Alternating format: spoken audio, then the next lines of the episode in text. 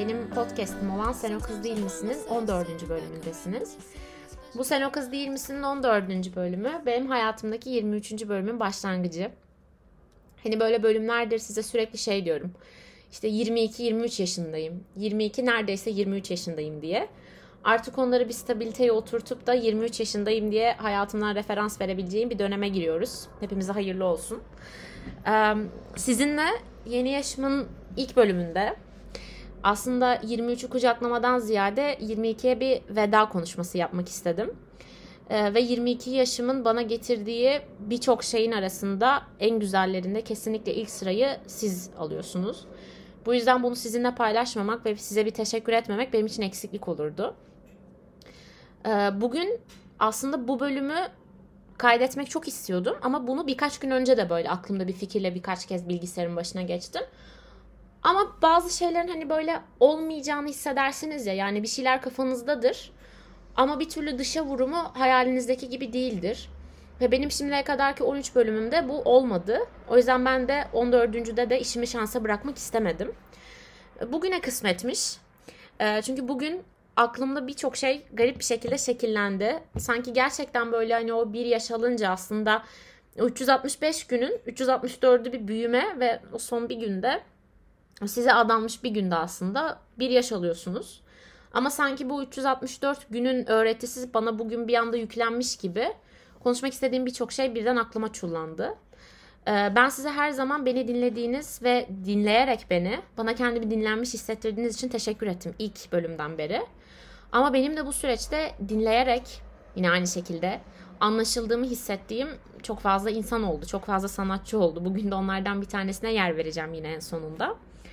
Ee, bugün konuşmak istediğim şeylerden bir tanesi de aslında yine her zaman olduğu gibi sonda çalacağım şarkı ile ilgili. Bugün kafamın içinde bir türlü bir sezon finali veremeyen ya da istediği reytinge ulaşamayan ama bir şeyler çekmekten de vazgeçmeyen bir film setinden bahsedeceğim. 23 yaşıma giriyorum. Ve başlangıçta bunu 23'ü kutlamak, 23'e bir hoş geldin seremonisi yapmak olarak kafamda kodlamıştım. Ama aslında düşününce 23 eğer yeni bir sayfaysa bana o sayfaya bir şeyler yazmayı öğreten şey hep geçmiş yaşlarım oldu. Ve 22 bana hem yazımı hem de anlatacak, anlatacaklarımı, bir nevi dil bilgimi, paragraf bilgimi epey pekiştiren bir yaş olarak geldi. Ben bugün 22. yaşıma girerken neler dilediğimi hatırladım. Dileklerimden bir tanesi koronanın bitmesiydi. Daha yeni başlamıştı. O azaldı diyebiliriz. Kısmen kabul oldu. Ee, kilo vermekti bir tanesi. Ee, o da kabul oldu. Ama 22 yaşıma girerkenki dileklerimin kabul olacağını bilseydim kilo vermekten ziyade daha az hayal kırıklığı dilerdim. Bu da bana ders olsun. Üçüncüsü aşık olmayı dilemiştim. Ee, ama sonra şunu fark ettim ki bazen gerçekten neyi dilediğinize dikkat etmek gerekiyor. Çünkü ben hep aşık olmayı diledim. Ve gerçekten her yaşımda da aşık oldum. 21'de de aşıktım, 22'de de aşıktım. Ama galiba bulduğun aşkı kaybetmemeyi dilemek gerekiyormuş. O yüzden bu sene hayatıma kaybetmek istemediğim ama aynı şekilde de kaybetmeyeceğim bir şeylerin girmesini dileyerek başlayacağım yeni yaşıma. Ee, ve bugün 22 yaşında öğrendiğim bazı şeyleri sizinle paylaşacağım. Belki yine birbirimizden feyz alırız. Çünkü ben burada anlattığım birçok şeyde hep hayatımda bana dokunan ve onlardan feyz aldığım insanlardan aslında bir şeyler kapıp size getirdim. Ee, ve bunları size yansıttığımda da bana sizden gelen geri dönütle yeni bir şeyler ürettim ve bu bir nevi bir matruşka hikayesine dönüştü. Ee, böyle çoktan aza bazen de azdan çoka iç içe girerek bir kümülatif bir şey yarattık birlikte. Ee, ve 22 yaşımda başlangıcında hayatımda olup e, şu an hayatımda olmayan ama çok sevdiğim ve bende çok iz bırakan eski bir arkadaşım var. Hayatıma kısa süre bulundu. Böyle olmasını istemezdim. Ama bana öğrettiği şeyler oldu. Onun yaptığı bir şey vardı.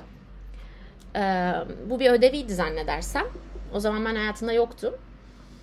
Ee, böyle kokladığı, gördüğü, yani duyumsadığı her şeyi o gün içinde not alıp paylaştığı bir hesabı vardı. O bilmese de ben zaman zaman o hesaba girip ne hissettiğini, en azından ben hayatında yokken o eski kendisiyken neler duyumsadığını o şekilde anlamaya çalışırdım. Bugün bir arkadaşımla buluştum ve dönüşte böyle yürüyen merdivenden yukarı çıkarken önümdeki kadının çantasında Free as a Bird yazıyordu. Bir kuş kadar özgür. Ben ilk onu gördüğümü fark ettim. Sonra o böyle bir anda hafızama kazınınca ben bugün neler duyumsadım diye bir düşündüm. Neler kokladım, e, neler hissettim, neler duyumsadım. Sonra böyle tek tek duyularımı kontrol ettim. Bugün biraz aç kalmıştım. Çokça kahve içmiştim. Ellerimin titremesini hissettim. Ee, otobüste yanımdaki kadının böyle yarı uyuklar bir şekilde her durakta acaba kendi durağını kaçırdı mı diye heyecanla sıçrayışını gördüm. Yüzümde saatlerce aynı maskenin durmasından kendi nefesimi kokladım. Ee, ve böyle bir tünelde, bir metro merdiveninde aslında olabildiğince basık bir alanda Free as a Bird yazılı bir çanta takan ve muhtemelen evine gitmekte acele eden bir kadın gördüm. Yorgun yüzler gördüm. Kendilerine hiç muhtemelen günaydın ya da iyi akşamlar denmemiş güvenlik görevlileri gördüm. Otobüste bacaklarını açı açı oturan adamlar, kenarlara sıkıştırdıkları kadınlar, kucağındaki çantasını tek hazinesiymiş gibi tutan insanlar gördüm. Ve her bir insanın yetişmeye çalıştığı bir şey olduğunu fark edince durup sorguladım ben neye yetişmeye çalışıyorum diye. Ve bunu demagoji yapmıyorum. Gerçekten buraya yetişmeye çalışıyordum. Ne hissettiğimi, ne gördüğümü ve bütün bu insanları size anlatmak için hevesle eve geliyordum. Çünkü mesela bugün gördüğüm güvenlik ya da evine yetişmeye çalışan kadın bu hayatta kendince ne ifade ediyor bilmiyorum. Ve benim için yanımdan gelip geçen bir insandan farksızdı. Bir semboldü aslında. Bir nesneydi sadece. Yani benim Simay'ın bir günündeki bir figürandı belki de. Ama sanki ben koşarak onu size anlattığımda ve onun yorgunluğunu tasvir ettiğimde sanki onun yorgunluğu daha anlam kazanacakmış gibi hissettim. Ve ben böyle şeylerin dönüp dolaşıp bana geleceği umuduyla galiba böyle davranıyorum. Yani bir gün birileri de beni fark eder ve belki birileri de beni konu alır. Belki birileri de bana bakıp acaba bu kız nereye yetişmeye çalışıyor diye düşünür diye. Bir umut ediyorum.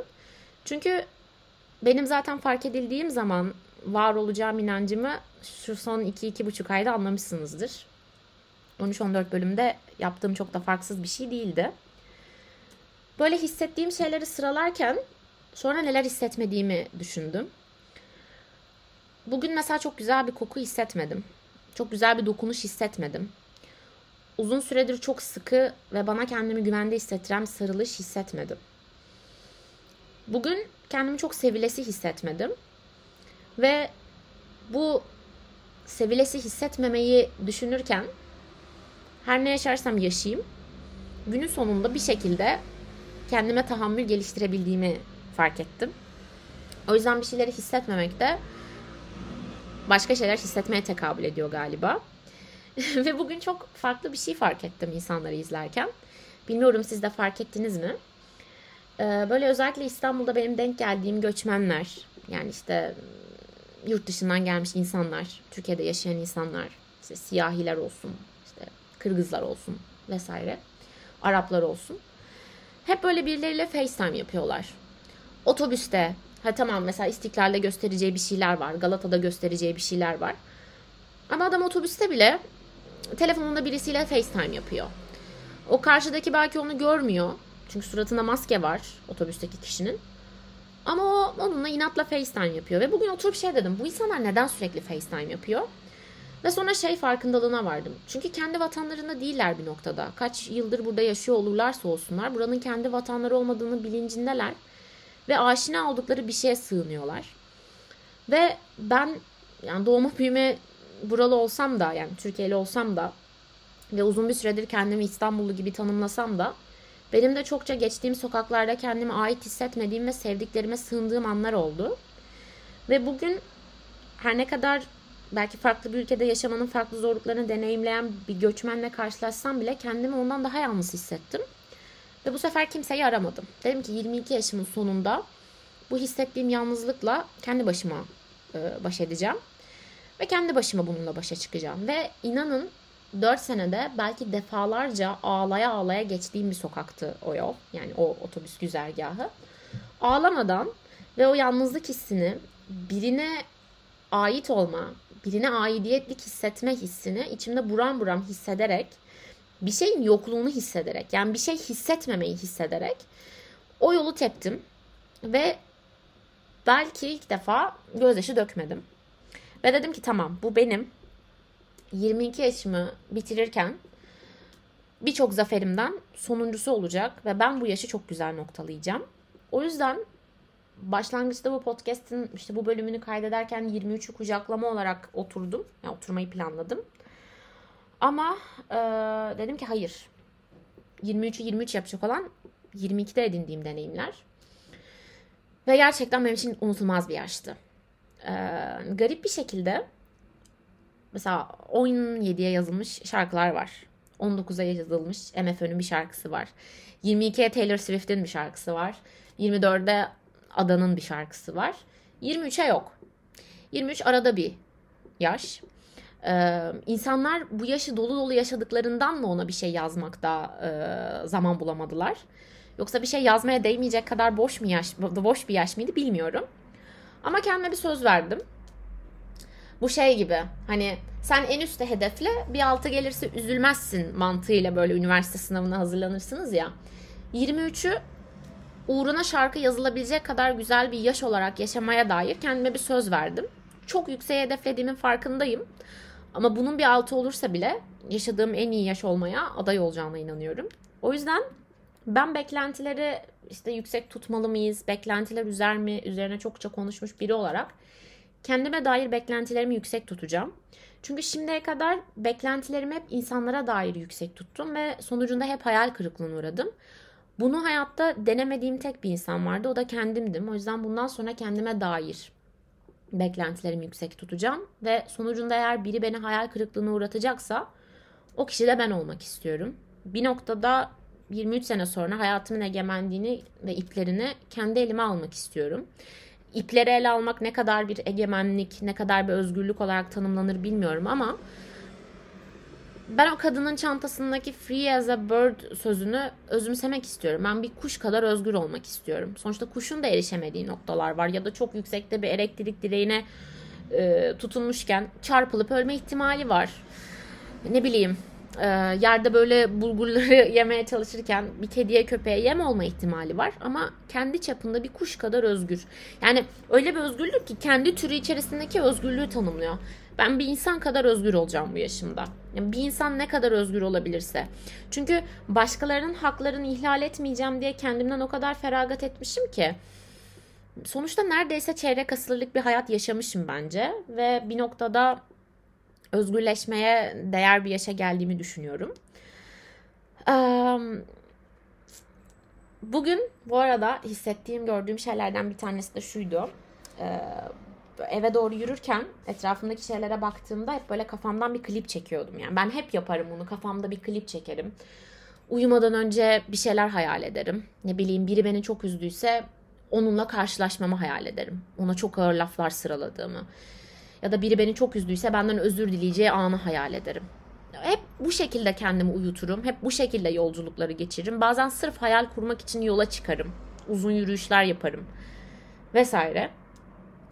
Bugün de böyle yolda yürürken bir tane böyle baba kızını omzuna almış. Kızı da böyle etrafa işte şu baloncuk çıkartan çamaşır suyumsu bir şey var ya onu üflüyordu. Bugün gördüğüm en bir klibe yakışır şeydi. Çok hoşuma gitti. Sonra kız gerçekten sanki kafamda bir senaryo canlanıyormuş gibi kız elindeki şey düşürdü yere. Sonra ben koşarak aşağı indim. Yani aşağı eğildim. Onu aldım kıza verdim ve bir noktada kendimi o iki kişinin mutluluğuna dahil ettim. Ve bu beni inanılmaz mutlu etti. Ve kafamda şimdiye kadar kurduğum ve maalesef gerçekleşmemiş olan birçok klipten daha güzeldi. O yüzden ben galiba kafamda senaryo kurmayı bırakmayacağım. Çünkü hayat bir şekilde karşıma ona kıyasla daha güzellerini ya da daha hayal etmeyeceğim şeyleri bir şekilde getiriyor. O yüzden bu bölümde konuşmak istediğim temel şeye yavaştan giriyorum ve muhtemelen bu konuyla sonlandıracağım. Ben kafamda dediğim gibi her zaman klipler çeken bir insandım. Bu bölümleri de zaten bazı şarkılardan esinlenerek kaydettim hep. Bir şarkı dinliyordum, beni konuşturuyordu. Bir şarkı dinliyordum, beni kendimle bir kavgaya sürüklüyordu. ya da bana neler yaşadığımı hatırlatıyordu. Lise aşkımı hatırlatıyordu. Ailemle çok büyük bir kavgamı hatırlatıyordu. Önceden en yakın arkadaşım olduğunu düşündüm ama şu an yüzünü bile görmediğim bir insanı hatırlatıyordu. Zihnimden sürekli bir şeyler getiriyordu. Ve ben hep o şarkılarla yola çıkıyordum. Eğer bu şarkılar zihnimden bir şeyleri getirebilecek kadar güçlüyse zihnimden bir şeyler yaratabileceğim kadar da güçlü olduklarını düşünüyorum. O yüzden sürekli bir şeyler dinlerken kafamın içinde bir şeyler çeviriyorum. Ve kafamda çok fazla senaryo kuruyorum. Ve bu senaryolar bazen e, bazı oyuncuları kafamdaki role aşırı derecede sokup onları kendi benliklerinden uzaklaştırmama ve onlar kendileri olduklarında sanki değiştiklerini düşünmekle beni biraz zorluyordu. Yani ben bazen gerçekten bazı insanlara değil de onları kafamda oturttuğum rollere aşık oluyormuşum ya da o rollerle en yakın arkadaş oluyormuşum ya da o rollerle kavga ediyormuşum gibi hissediyordum. Ee, ve eğer bunu hayatımdaki insanlara yapıyorsam bir noktada kendime de yapıyorum ve belki de kendime bu kadar yüklenmemin sebebi, kendimi bu kadar mükemmel yapmaya çalışmamın sebebi tırnak içinde mükemmel kendimi kafamdaki mükemmel rolüne inanılmaz derecede adapte ettiğim için artık rolden çıkamayan başarısız bir aktöre dönüşmemdendir. Bu benim için çok büyük bir deneyim oldu. Ama beni ne tabii ki şarkı dinlemekten ne de bu şarkılara klip çekmekten alıkoyacak bir şey değil. Ama bundan sonra başta kendim olmak üzere insanları kafamdaki belli kriterlere oturtup o hallerine hayranlık beslememeyi bir ilke olarak edinmeye çalışacağım. En azından yeni yaşımda kendime verebileceğim sözlerden bir tanesi de bu. Ve kendime bir sözüm daha hayatıma giren insanları onlardan başka bir şansım yokmuş gibi onların hatalarını ya da bana yaptıkları haksızlıkları göz ardı edecek kadar idealize etmeyeceğim. Çünkü gerçekten iyi şeyler hak ediyorum. Ve gerçekten çok fazla şey atlattım. Birçok şey başardım ve daha önemlisi birçok şeyde başarısız oldum. Çünkü ben her zaman kötü deneyimin iyi deneyimden daha kazançlı olduğunu düşünen bir insanım. Çünkü hem ne yapmaman gerektiğini hem de neyi istediğini sana aynı anda öğreten nadir şeylerden bir tanesi kötü deneyimler. O yüzden şunu söyleyebilirim ki ben bana hak ettiğimden daha azını veren insanlara yeni yaşında ve bundan sonrasında artık daha fazla tevazu göstermemeye karar verdim. Çünkü çok fazla başarısızlığım oldu ama bu sayede artık ne istediğimi ve ne istemediğimi biliyorum. Ve sırf bana istediklerimin %5'ini sağlıyor diye istemediklerimin %70'ini gösteren insanlara onlardan daha iyisini bulamama, bulamam ihtimaliyle boyun eğmeyeceğim. Çünkü o zaman gerçekten o insanları hem ederinden daha fazlasını vererek onlara çok yanlış bir illüzyon çiziyorum ve muhtemelen onları da yanlış yönlendiriyorum. Hem de kendi değerimi inanılmaz derecede düşürüp aslında insanlara bir noktada bana zarar vermeleri için ellerine bir koz veriyorum. Artık bunu yapmayacağım. Bunu geçen bölümde söylemiştik İdil'le. İnsan kendini sevmeye başladığında başkalarına da kendisini sevmek için bir sebep veriyor diye. O yüzden ben kendime hak ettiğimi vermeye çalışacağım ki bundan sonraki günlerimde, bundan sonraki yaşlarımda. En azından çalışacağım ki, en azından yolda olacağım ki insanlar da bana hak ettiğim bir şeyler olduğu bilinciyle yaklaşabilsin. Çünkü bugün çıkarttığım derslerden bir tanesi de kendimi çok boş verilmiş hissetmekti. Ve bu boş verilmişlik hissinde kafamın içinde bir kişiye ee, küçük bir şans tanıdım. Böyle kafamın içine kendimle bir oyun oynadım. Ve o kişi o şansı tepti böyle kafamın içinde. Ve dedim ki ben yapabileceğim her şeyi yaptım. Size daha önce de söylediğim gibi benim zeytin dalım bu kadar. O yüzden artık elimdeki zeytin dalını daha fazla uzatmaya ve karşıdakini dürtmeye çalışmayacağım. Çünkü kendi hasadıma zarar veriyorum. Ve artık kendi toprağıma ve kendi yapıma, kendi mahsulüme ihanet etmeyeceğim. Ben böyleyim ya çok uzun gür bir ağacım gölgesine dinlenebilecek ya da çok kısa bodur bir ağacım ve kimsenin işine yaramayacağım. Belki köpeğini gezdiren birisinin köpeği üstüme işeyecek. Ama bir noktada orada varım. Orada olmamın bir sebebi var. Ve ben sırf insanların amacına uyması için kendi şeklime ihanet etmeyeceğim. O yüzden 22 benim için çok sancılı bir yaştı. Ama artık bazı sancılar geldiğinde onların sebebini, ne olduğunu ve onlarla baş etme yöntemlerini az da olsa öğrendim. O yüzden 23'e yeni savaşlara bir tık daha hazır ve cephanem bir tık daha güçlü bir şekilde giriyorum. Şimdiye kadar arkamı hep insanlara yasladım. Ama insanlara yaslanan sırtın kendime ait olduğunu unuttum. O yüzden yeni yaşımda kendime gerçekten hak vereceğim. Ve bir sırtım varsa, iki elimde varsa kendi sırtımı kendim sıvazlayacağım. O yüzden siz lütfen umutsuzluğa alışmayın. Yatağa küs girmeyin. Ve belki yeni yaşınıza siz de girerken neler dileyeceğinize benim sözlerimle biraz daha dikkat edersiniz. Çünkü ben bu yaşım için her ne dileyeceksem aynı şekilde onu kaybetmemeyi de dileyeceğim. Umarım gerçek olur ve yeni yaşımda sizi de unutmayacağım. Sizin için de bir şeyler dileyeceğim. Çünkü 22 bana çok şey kazandırdı. Benden çok şey aldı. Ama bana sesimin böyle sanki ekolu bir ortamda konuşuyormuşum, akustik bir ortamda konuşuyormuşum gibi kendi kulağıma tekrar erişmesini sağladı ve bunu siz yaptınız. 5000 kişi yani 5000 dinlemem falan olmuş. Size 5000 kere teşekkürler. Çok teşekkür ederim beni duyduğunuz için. Çok teşekkür ederim yeni yaşıma benimle birlikte gireceğiniz için. Yeni bir yolculuk bizi bekliyor. Sen o kız değil misin 14. ve dediğim gibi benim 23. bölümüm 14 biterken benim 23'üm başlıyor. Umarım keyifli bir bölüm olmuştur. Sizi çok seviyorum ve e, sözümü şununla bitireceğim. E, benim çok sevdiğim bir sanatçı arkadaşım var ve hani siz beni dinliyorsunuz ve bana diyorsunuz ya bazen işte anlaşıldığımı hissediyorum. Benim de dinleyince çok anlaşılır hissettiğim biri var Deniz. Ve sadece onun bir şarkısını dinleyerek içimde böyle beni 20-30 dakika konuşturacak bir sürü şey ortaya çıktı. Böyle sanki bir sivilceye dokunmak ve onu bir anda patlatmak gibi sadece bir sözüyle bir şarkısıyla benim içimden bir sürü irinin bir sürü böyle hem kötü çıkması gereken hem de akabinde o noktayı yenileyecek bir sürü dokunun çıkmasını sağladı. Sizi onun şarkısıyla baş başa bırakıyorum. Sizi seviyorum. Kafanızda kurduğunuz senaryolara bir noktada inanın. Mutlaka bir yapım şirketi onu değerlendirecek. Kendinize iyi